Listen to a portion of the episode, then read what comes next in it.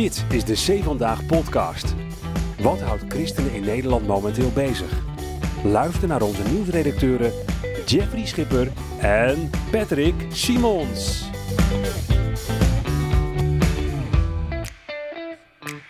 Een week na de legendarische klimaatpodcast met Roze Marijn en Jan Hoek is het weer tijd voor onze redacteur over hele andere onderwerpen, maar niet minder boeiend. Patrick, mooi dat je er weer bent. Dankjewel, Jeffrey. Ja, dat is wel, ik vind het toch wel heel mooi die diversiteit. Dat ik een week eerder nog tegenover Roze Marijn van het einde zat. En nou weer jouw uh, harsjes voor me zie. Ja. Ik vind dat wel heel erg leuk, die afwisseling. Ja, ja, dat heb je wel echt het ene. Heb je het hele spectrum te pakken gelijk, denk ik. Hè? Ja, ja, ja. ja. Zeker, ja. zeker als het op klimaat aankomt. Goeiedag. Nou, dat geloof ik ook wel, ja. Ja. Ja, kom toch nog heel eventjes terug in de podcast, hè, klimaat. Even kort zometeen. Ja, niet klimaat zelf, maar ja. Ja, zijdelings. Maar, ja. uh, Fijne teaser, Jeff. Ja, ja, ja. Ik denk dat iedereen nu, nu uh, gekluisterd zit aan de microfoon. Dat denk ik ook inderdaad, ja. ja.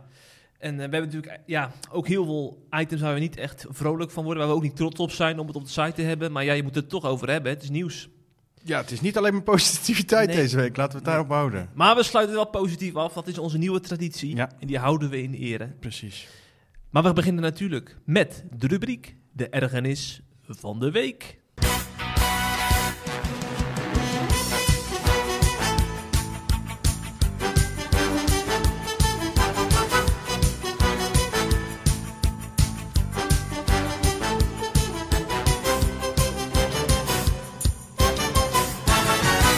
Ik was deze week, Jeffrey, naar de ongelooflijke podcast aan het luisteren. Ik weet niet, ik denk dat jij die wel kent. Ja, beste christelijke podcast, hè? Ik ben er enorm fan van. Ik probeer dat elke week te luisteren. Het lukt niet altijd. Um, komen namelijk altijd gasten, hele verstandige mensen komen daar praten over dingen waar ze heel veel van afweten. Dus dat is al eigenlijk al een goed ingrediënt voor een goede podcast. En als het dan ook nog eens over onderwerpen gaat die ik interessant vind, dan nou ja, kan je bijna niet, kan je bijna niet, niet luisteren. Um, en deze week was professor Rick Pils te gast. Die is jou niet onbekend, geloof ik. Sterker nog, volgens mij ben jij wel een beetje fan van die man. Mm, nou ja, inhoudelijk uh, niet, maar ik, vind hem, ik ben fan van zijn kunde, ben ik fan. Nu word je voorzichtig, omdat hij in de ergernis zit. ja, ja, ja. Ja, nou hij is dus fundamentalisme-expert en christelijk filosoof, zeg ik dat goed? Of heeft hij nog meer uh, titels en functies? Ik denk het wel, de bekendste. Hè? Ja, oké. Okay. Um, en tijdens de podcast, bij de ongelooflijke podcast was hij dus de gast, kwam uh, Extinction Rebellion ter sprake. Dat is dus uh, dat is die organisatie waar ook Roosmarijn van het Einde dus regelmatig mee op pad gaat om te demonstreren voor het klimaat en tegen het klimaatbeleid. Nou, dat klimaat en het klimaatbeleid kwam ook in de podcast ter sprake. en hij had het dus over, dat, over die, die, die organisatie, Extinction Rebellion. En hij zei erover het volgende, luister maar. Dus ik vind het ook soms verwonderlijk en prijzenswaardig uh, als bepaalde groepen niet radicaliseren. Nou. Dus denk bijvoorbeeld aan Extinction Rebellion, zeg maar. Hm. Uh, als je, als je ja. een beetje doorhebt wat er met de aarde gebeurt. Ja. Kijk, het is nu niet leuk als je met je auto ergens uh, naartoe op weg bent en er zit iemand vastgeplakt op het asfalt en je moet ja. wachten. Dat is niet leuk. Maar dat is nog iets anders dan iemand uh, fysiek belagen of, of omleggen. Terwijl het, het gaat natuurlijk niet goed met de wereld. Hm. Dat, is, dat is evident. En dat, dat zal enorme gevolgen hebben. Het heeft al enorme gevolgen voor allerlei mensen. Dus de zaak is zo groot dat het in zekere zin begrijpelijk zou zijn als men verdere stappen zou zetten. Nou Jeffrey, ik zou bijna zeggen, ik word er stil van. Ik zie jou ook met uh, open mond luisteren. Ja, dit had ik niet aanzien komen, nee. deze... Hij zegt dus eigenlijk, uh, even samengevat, één... Uh, bewondering te hebben voor het feit dat Extinction Rebellion niet radicaliseert. En hij noemt dat prijzenswaardig. Valt over te twijfelen. Ik vind dat ze wel geradicaliseerd zijn. Ik vind ze zelfs extremistisch, linksextremistisch. Um, twee, hij noemt vervolgens twee voorbeelden die verder gaan dan wat Extinction Rebellion doet. Hè? Namelijk uh, fysiek belagen en omleggen, oftewel vermoorden.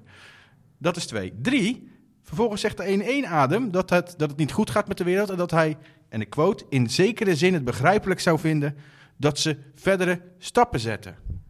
En dat noemt hij in één adem na die voorbeelden die jij noemt. Ja, hij zal het vast niet zo bedoelen, laat dat voor de duidelijkheid zijn. Hij bedoelt echt niet dat uh, hij zou begrijpen dat ze mensen gaan vermoorden. Maar uh, in zekere zin zegt hij gewoon dat het begrijpelijk is mochten ze dat wel gaan doen. Uh, ik zou zeggen, ik wil me eigenlijk verder van commentaar onthouden. En alleen nog Alex ten Kate quoten, die hier op Twitter over schreef, en ik citeer...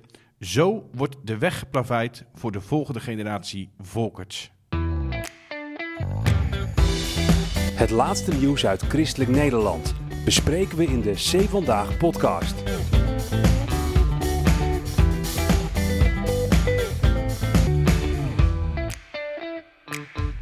We moeten het over de hersteld hervormde kerk hebben, Jeffrey.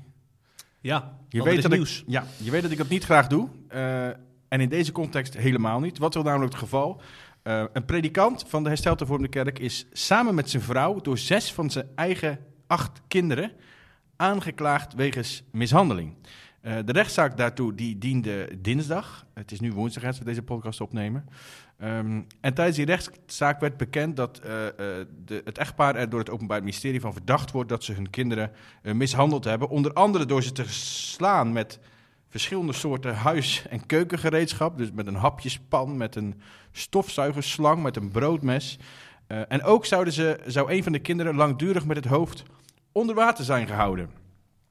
Ja, dat vertel ik even zo tussen neus en lippen door, maar dat is behoorlijk heftig natuurlijk. Hè? Nou, nou. Ehm, het, is, het betreft een 60-jarige predikant die overigens niet meer in een gemeente staat. Hij heeft, Hmm. eh, eh, laten we hem haar... Kijk, we mogen niet namen noemen, dat is dan de officiële regel. hè. Terwijl Hmm. iedereen aan de hand van eh, het artikel wat wij en ook anderen geschreven hebben... gewoon kan achterhalen wie het is. Het is namelijk een predikant die in, in Arnhemuiden gestaan heeft... in de hervormde kerk van Arnhemuiden.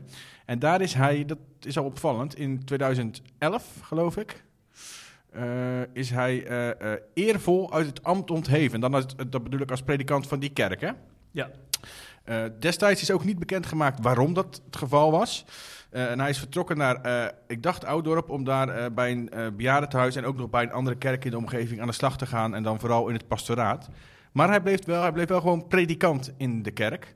En preekt nog steeds door het hele land in hersteld hervormde gemeentes. Afgelopen zondag is hij nog twee keer eh, voorgegaan in een kerk.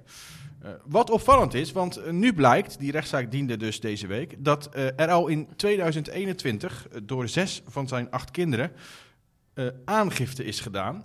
En zij zeggen dat, dat hij al sinds 1992 zijn eigen kinderen regelmatig, niet alleen hij trouwens, ook zijn vrouw, ze staan samen terecht. eh, dat het echtpaar al sinds 1992 eh, hun kinderen eh, regelmatig mishandelt. En daarbij, en ik quote, om het minste of geringste. Dus als er iets misging, werden ze geslagen. Nogmaals, dit is dus de beschuldiging van de kinderen. We gaan hier niet vertellen dat Ja. het een feit is. We gaan vertellen. Mm. Het feit is dat hun, de, de kinderen hun ouders daarvan beschuldigen. En dat het Openbaar Ministerie ze gelooft. En daarvan een rechtszaak heeft gemaakt. Dus ze zijn nog niet veroordeeld. Hè? Dus in Mhm. Nederland geldt het goede principe dat eh, men eh, onschuldig is tot het schuld is bewezen. Dus we brengen vooral het nieuws dat die rechtszaak loopt. Laat dat even duidelijk zijn. Maar goed, eh, de vraag is, vooral voor mij denk ik, of voor iedereen, eh, waarom of de hersteld hervormde kerk op de hoogte was van deze rechtszaak. Want als die nu, eh, kijk, in 2021 werd er aangifte gedaan, dat is twee jaar geleden.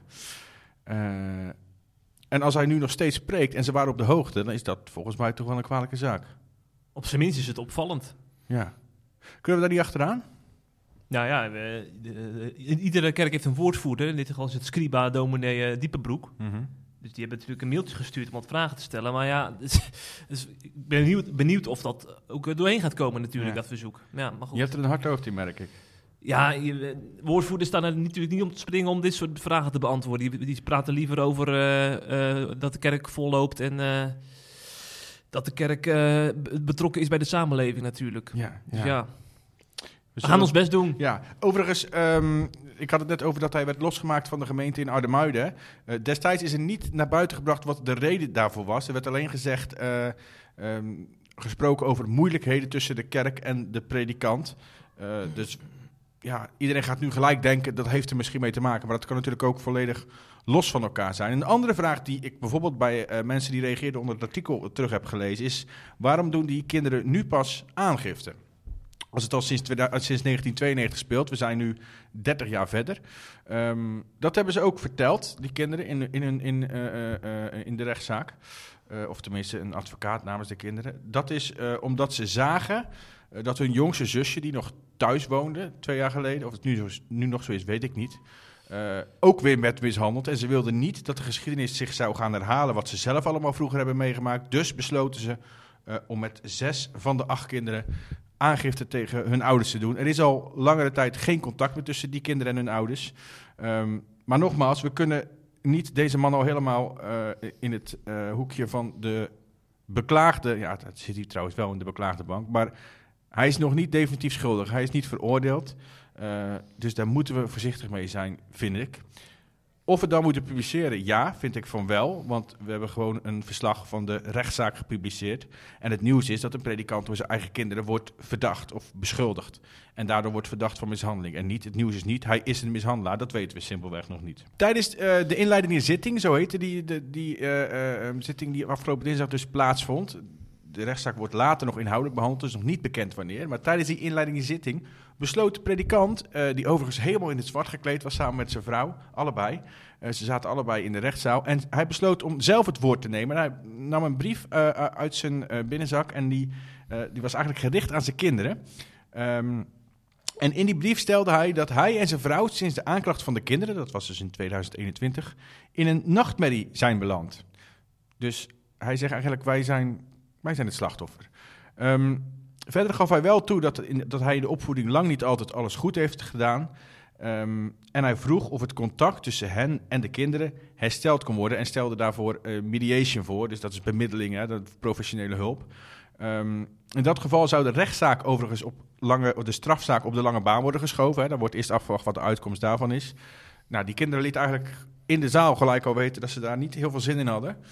Uh, dat is nog zwak uitgedrukt. Uh, en ook, ook, achteraf stelde een woordvoerder uh, van de kinderen dat ze dat absoluut niet zien zitten. En ze noemden, um, wat ik net zei, dat die vader zei: We zijn in een nachtmerrie mm -hmm. beland.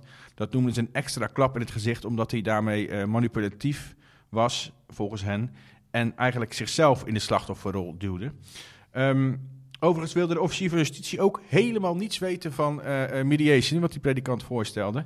Uh, en hij haalde nog best wel hard uit, moet ik zeggen, naar die man. Uh, want hij zei, de kinderen, thuis was voor de kinderen afschuwelijk. Thuis was een hel. Dat een woord dat je niet zomaar in de mond in bij een dominee. Nee, dat denk ik ook niet. Dus dat zijn wel, ja, ik, ik, ik, ja, ja we wachten het af wat er gaat gebeuren. Ik, jongen, jongen, jongen. Als er het Openbaar Ministerie besluit om er een zaak van te maken, dan is er meestal ook wel gegronde reden. Ja. Maar ja, we weten het niet totdat er een uitspraak komt. Wanneer die rechtszaak vervolgd wordt, weten we dus ook niet. Maar zodra dat uh, het geval is, gaan we daar uiteraard over berichten. Uitgebreid op C vandaag. Er komen waarschijnlijk ook nog wel meer artikelen. We gaan er nog wel verder achteraan. Hè? Ja. Uh, om uit te zoeken wat er nou precies gebeurd zou zijn en de reacties van uh, betrokkenen. dus ja, we wachten het af, Jeff. Moeten er wel of niet meer vrouwen op C vandaag? Dat is een vraag die sommige mensen bezighoudt. Ja, jou? ja. ja. ja, want soms dan kom je op onze site en dan zie je in één oogopslag vier witte mannen, soms ook nog boven de 50. En sommige mensen kunnen daar aanstoot aan nemen. Moeten we daar rekening mee houden in deze tijd? Ik hoor hier andere mensen praten dan Jeffrey, maar goed.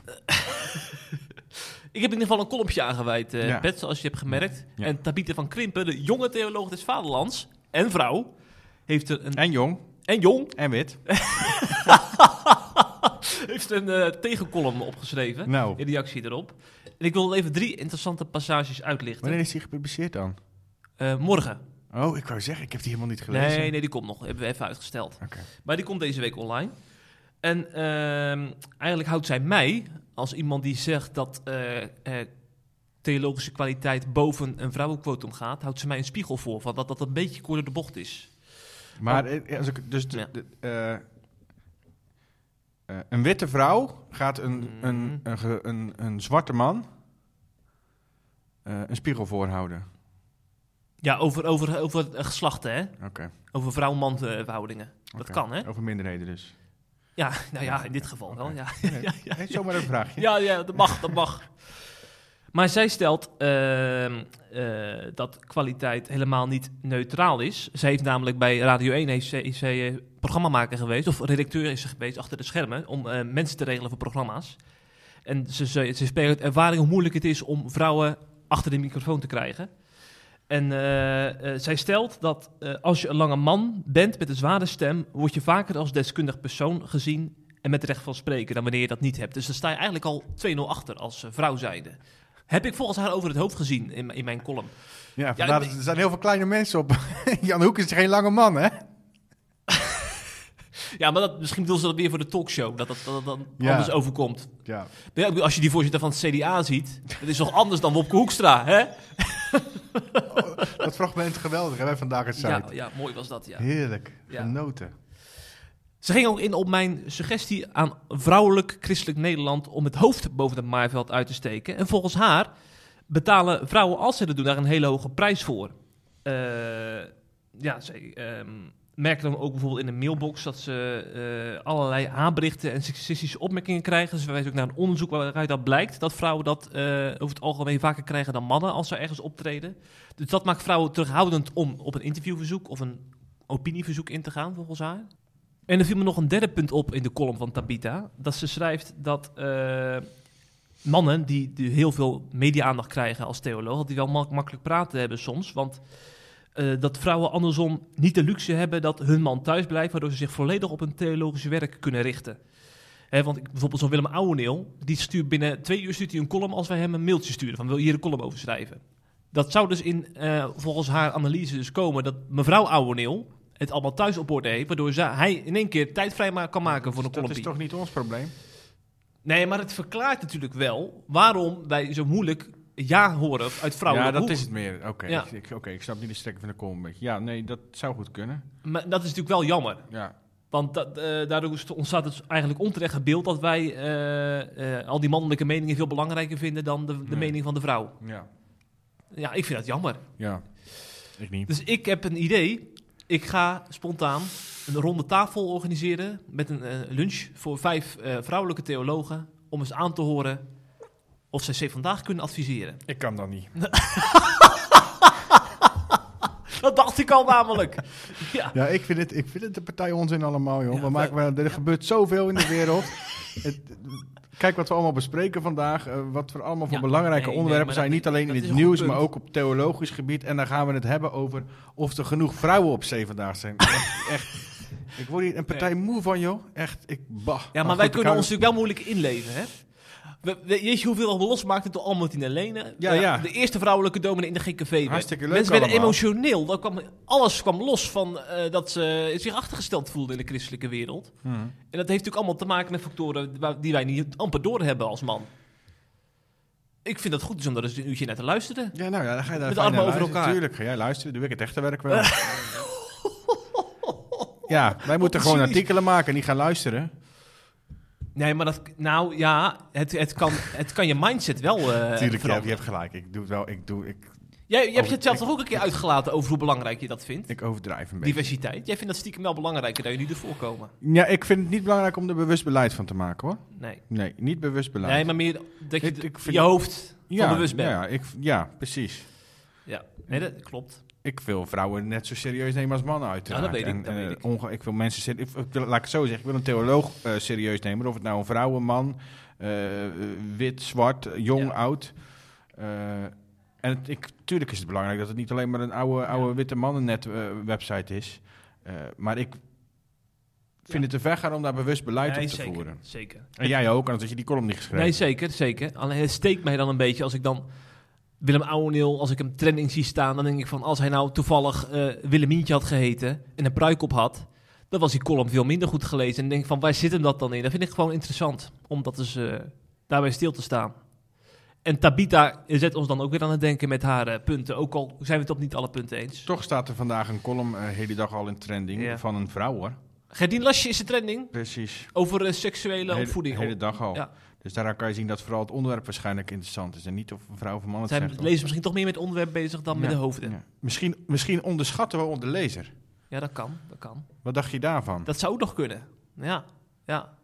Nee, goed. Laten we dan vooral eh, eh, dit ter harte nemen. En verder eh, geen vrouwenquota opleggen op Steven Vandaag columnist. Dat doen we ook nooit trouwens, hè, quota opleggen. Nee hoor.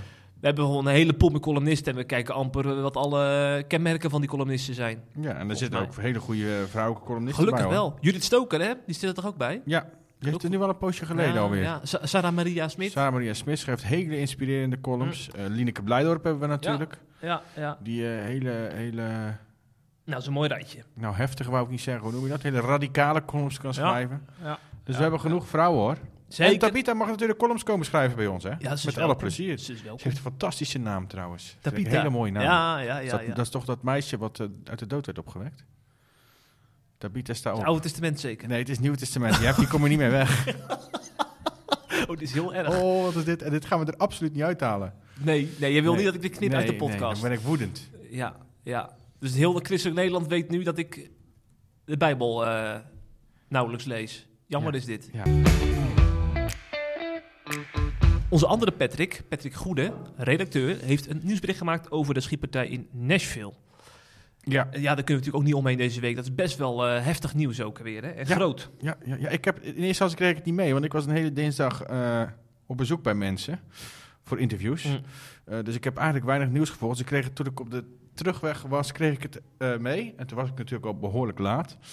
Ehm, en het is inderdaad nogal een heftige gebeurtenis. Er is een schietpartij geweest op een christelijke eh privéschool, een basisschool in eh, Nashville. Eh, een bekende plaats natuurlijk, vanwege de Nashville-verklaring, vanwege de vele muzikanten, ook christelijke muzikanten. Ehm, en bij die schietpartij zijn in totaal zeven mensen omgekomen. Drie, men, drie kinderen, drie medewerkers van de school en de schutter zelf. Eh, de politie heeft officieel eh, nog geen, eh, tenminste uitgebreide uitspraak gedaan over het motief. Wel hebben ze gezegd, er is een manifest gevonden in de woning van de schutter. En de politie heeft wel gezegd dat er sprake is van rancune. omdat ze de schutter hier vermoed- vermoedelijk zelf naar school, of niet vermoedelijk, omdat de schutter oud-leerling is van de school. En daar was ze schijnbaar heel boos om. Ehm, wat we weten van de schietpartij is dat het één, eh, een christelijke school is.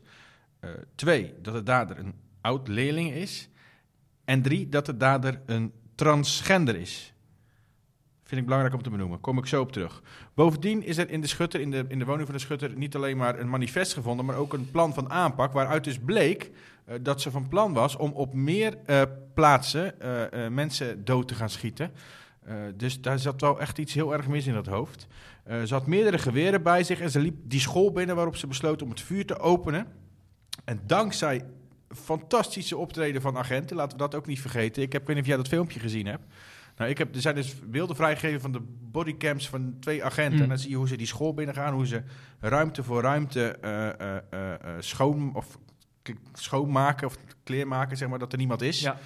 Om te kijken of de schutter daar is. En zo komen ze steeds verder in die school tot op het moment dat ze schoten horen. En dan gaan ze er recht op af. En dan binnen, echt binnen no time schakelen ze die schutter uit. Dat is echt heel knap gedaan. En heel veel, met heel veel eh, lef vind ik, vind ik, daar ben je echt een held voor mij. Maar Er zijn meer slachtoffers voorkomen dus Er eigenlijk. zijn veel meer slachtoffers gekomen. Niet alleen op die school, maar natuurlijk ook op eventueel andere plaatsen waar ze dan nog heen wilden. Ehm, maar ja, helaas waren er op dat moment wel al zes dodelijke slachtoffers. Waaronder dus eh, drie kinderen. En wat ik, ik, ik zei net, eh, het is een transgender, vind ik belangrijk om te benoemen. Hm. Waarom vind ik dat belangrijk? Ik zag namelijk dat verschillende media het plots niet relevant vonden om de achtergrond van de dader te schetsen. Terwijl dat bij andere schietpartijen, waar er bijvoorbeeld wel eens sprake is geweest van een rechts, eh, christelijk rechtsextremistische schutter of een islamitische schutter, ehm, dan doen ze dat, diezelfde media, dat wel heel uitgebreid. Hè? En nu eh, deed de achtergrond van de dader er plotseling niet meer toe. Ik zou zeggen, misschien heeft het te maken met het feit dat die achtergrond dus anders is dan anders. Maar dat weet ik niet zeker. En op social media, en dat, daar moest ik bijna om lachen. Daar zag ik heel veel mensen die zich druk maakten omdat de dader misgenderd werd in de berichtgeving van de media. Dus eh, het is een vrouw die zich identificeert als man, eh, maar je moet hem dan weer, eh, die kiest als voornaamwoord hen. Dus dan mag je niet hij, niet zij, maar hen zeggen. En er hebben heel veel media zei gewoon zij als, als, om, Hmm. als vrouwelijke dingen. En daar maakten dan heel veel mensen zich druk om en niet om wat er gebeurd was. Overigens heb ik ook nog een statement gezien van een bepaalde LHBTI-organisatie in Amerika. Die dus besloot om een statement naar buiten te brengen. zonder dat ze de eh, daad van die vrouw, ik zeg gewoon vrouw, eh, veroordeelde. Eh, maar eigenlijk vooral hoe zielig het voor haar was dat ze zo'n eh, vreselijk leven had gehad. waarin ze altijd slecht was behandeld. Ja, ik, ik, ik vind het Ongekend. ongelooflijk. Ehm, er wordt trouwens wel volop gereageerd vanuit de christelijke wereld op die schietpartijen. Ik heb bijvoorbeeld, en die wil ik wel even citeren, een reactie gelezen van Scott Sauce. Dat is een voorganger van een kerk in, in Nashville. En hij zei, Pasen komt eraan, maar alles voelt nu als Goede Vrijdag. Maar omdat dit niet klopt, weten we ook dat dit niet het einde is. Zelfs als we in verdriet wachten, fluistert de Bijbel hoop. Het is maar goed dat hoop in tijden als deze geen gevoel is. Het is meer een onontkoombaar, door de opstanding bezegeld feit dan een gevoel. Om ergens zeker van te kunnen zijn. Nou, vind ik prachtige woorden van die, eh, die uh, predikant. Um, overigens heeft uh, onze collega Patrick Goede, die heeft niet alleen het eerste bericht, maar heeft ook vandaag nog een lang vervolgbericht geschreven. En daarin stond onder meer, en dat vond ik wel heel bijzonder, dat vlak voordat die schietpartij plaatsvond, is er, was er een zendeling op bezoek daar. die heeft met die kinderen het Amazing Grace geoefend. En die moesten ze dan, die, had, hebben ze geoefend, zodat ze die kon, dat weekend daarna konden gaan uh, voordragen voor hun grootouders of tijdens Pasen. Um, en zeg maar amper een uur daarna uh, begon dus die verschrikkelijke schietpartij. Dat is toch wel een bijzonder moment, vind ik. Zo, absoluut. Zegt dat wel, ja. Ik moet er wel even van bijkomen van het heftige bericht, moet ik eerlijk zeggen. Zeker als, als, als er kinderen in het spel zijn, dan uh, als, als vader lees je dat toch anders, merk ik. Ja, het is best, ja. Is sowieso bizar, hè, al die schietpartijen. Ja. Misschien wordt het tijd dat die wapenwet daar eens een keer... Uh... Ook. Ja, Biden heeft dat weer geroepen, hè. Dat, ja. ja, maar goed, dat roepen ze elke keer na een schietpartij. Ja, ja dat roepen ze inderdaad al heel... Ja, Trump riep het niet na een schietpartij, hoor. Die zei, die zei dan, als, als, de, als de docenten wapens hadden gehad, hadden ze zich kunnen verdedigen. Oh ja, ja, ja. Nou goed, dan weet je nog wel wat je aan zo'n president hebt, denk ik dan maar. Weer. Ja. Maar we gaan het zien hoe, hoe dat gaat lopen in politiek Amerika. We gaan nu naar Iran. Daar speelt ook van alles al uh, tijdenlang. Hè? Uh, al sinds 1975, hè, sinds de islamitische revolutie, is het eigenlijk al uh, uh, een grote ellende in Iran. Met allemaal mensen die op de vlucht moeten, omdat ze een minderheid zijn die niet getolereerd wordt. En het heeft natuurlijk nog een vlucht genomen vorig jaar september, toen er een protestbeweging op gang kwam hè, na de dood van de 22-jarige Masha Amini die haar hoofddoek verkeerd droeg en daardoor werd mishandelde de Iraanse zedenpolitie. Oh, hup islam. Nou, ja, dit is echt helemaal op het konto van de islam te schrijven wat ja. daar gebeurt. Ja. Al Benoem dat dan ook. 20.000, heb ik jou toch voor? Heb ik... ja, daarom deed ik het ook even. Ja. Ik denk, ik grijp even in, maar je bent al twee minuten bezig oh, met het woord islam. Oh, daar wacht hij op, ja. ja. Zeker. Uh, 20.000 Iraniërs al gearresteerd sinds die protestbeweging op gang is gekomen. En 527 doden, hè? een aantal execu executies ook.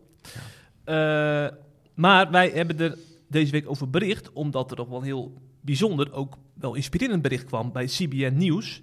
Die hebben, die hebben gesproken met een pastor uit het buurland Armenië. Daar is een grensovergang en daar schijnen ook heel veel Iraniërs te komen dagelijks. En uh, daar, zijn, daar, wordt ook eigenlijk wordt er gewoon het evangelie wordt daar verteld en uh, komt daar tot leven bij die mensen. En het bijzondere is dat heel veel Iraniërs die hebben eigenlijk zijn de islam zo beu. Die staan al helemaal open voor, uh, voor nieuwe verhalen. Uh, maar dat, dat, dat speelt eigenlijk al in Iran. Maar ze kunnen daar geen Bijbel krijgen. Uh, ze, ze, durven natuurlijk niet naar een kerk. En als je dan zo'n land als Armenië binnenkomt, een land met christelijke wortels, waar, waar gewoon democ democratie is. Opeens hebben ze daar dan de kans hè, om, om ze helemaal te verdiepen in de Bijbel. Om, uh, om al die verhalen over, uit de evangelie aan te horen. En die pastor vertelt het dan bij CBN Nieuws hoeveel moois dat oplevert daar aan die grens. Dat mensen helemaal openstaan voor het evangelie en... Uh, ja, eigenlijk zie je ze gewoon verliefd worden op, op de Bijbel en op Jezus. Uh, daar, daar komt het op neer. Ongelooflijk, hè? Ja, ja, dat vind ik echt ongelooflijk om te lezen. En ik vind ook dat we er elke keer over moeten blijven berichten. Ja, ja, en misschien ook zelf weer eens een keer verliefd worden op de Bijbel. Ook dat. Ja, daar helpen deze mensen enorm bij, ja. ja. Ik heb natuurlijk ook in zo'n kerk gezeten waarbij uh, Iraanse vluchtelingen mm. kwamen. Ja, dan denk je echt van, uh, ben je gewoon jaloers, hè? Op ja, die eerste je schaamt jezelf. Ik, ja. ik schaam mezelf ook altijd, hm. om eerlijk te zijn. Ja. Waar, maak ik, maar, maar, maar, maak ik me nou druk om? Of er islam benoemd wordt of niet? of er meer vrouwen op zeven dagen komen ja. of niet? Ja, dit zit allemaal weer de perspectiefpet, dat is precies, helemaal waar. Precies. En om het nog meer in perspectief te zetten, ik heb er nog even wat algemene info bij gezet. Want het is niet zomaar een incident. Uh, volgens voorzichtige schattingen heeft het Reformatorie Dagblad bericht, eerder al, ligt het aantal christenen in Iran ergens tussen de 500.000 en 800.000. Uh, maar blijft natuurlijk allemaal onder de radar, veel in de ondergrondse kerken, omdat het dan illegaal is hè, om daar uh, tot het christendom te bekeren.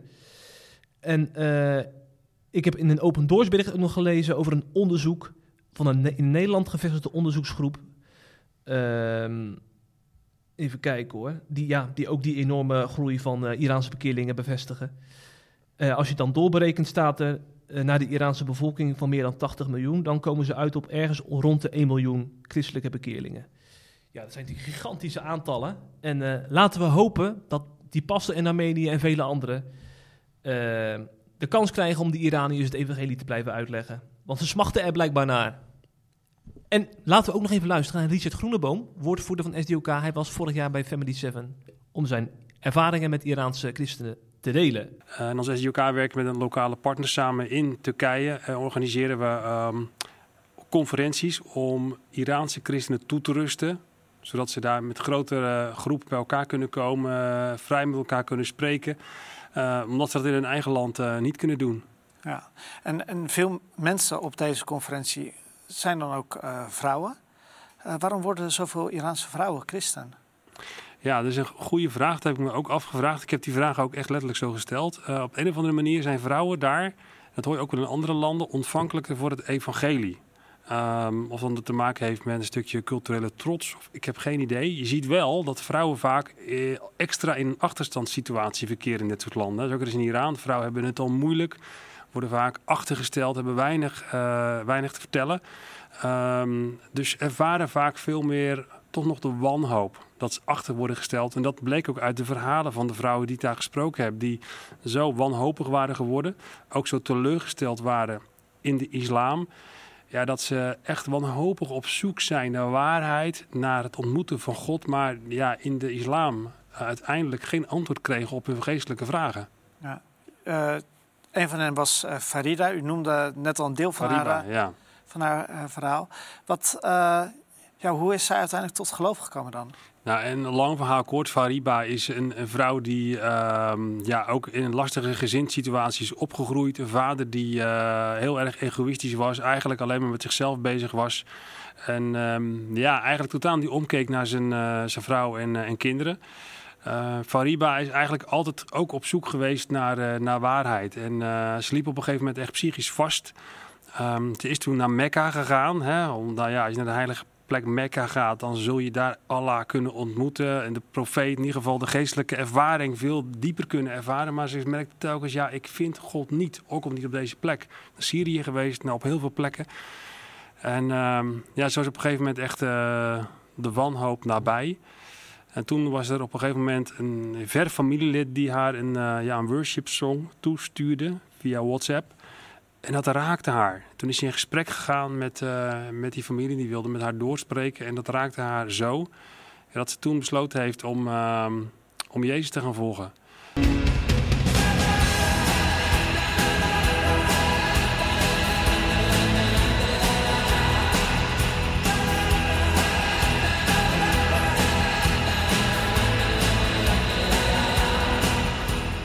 Dat is de tune van de uitsmijter van de week. En dan gaan we naar de... Ik ben wel toe aan wat positief nieuws. Ja, ja, we gaan naar de gereformeerde gemeente. Oh. Dominee C. Sonneveld. Hij uh, is, daar, is bekend als uh, predikant in Alblasserdam. Ja. En hij gaat alweer richting zijn emeritaat. Maar daar is een stokje voor gestoken door een beroep uit Poederooien. Een gemeente die al, ja, hou je vast, sinds 1928 wacht op een dominee. Dat is dus gewoon bijna 100 jaar, hè? 100 jaar een gemeente zonder dominee in een dorpje. Zoveel dominees hebben ze natuurlijk ook niet in die kerk. Nee, in een predikantentekort. Ja. Wordt, uh, nou goed, daar hebben we al vaak over gehad. Daar, daar moet heel wat bijzonders gebeuren, wil je dominee kunnen worden. Klopt, dat sowieso. En uh, vaak krijgen ze ook nog eens 20 beroepen. En dan kun je ook nog kiezen uit een plaats waar bijvoorbeeld 4200 mensen zielen zijn. Hè? In plaats van een klein dorpje met een paar honderd zielen. Ja. Maar deze dominee, die dacht, ik ga naar Poederooien. Hij voelde zich geroepen. God wilde een hele stad redden als er één ziel was, hè? Als er één gelovige ziel was. Zeker, zeker. Dus het aantal doet er niet toe, Jeffrey. Zo is het helemaal. Ik denk, corrigeer je even.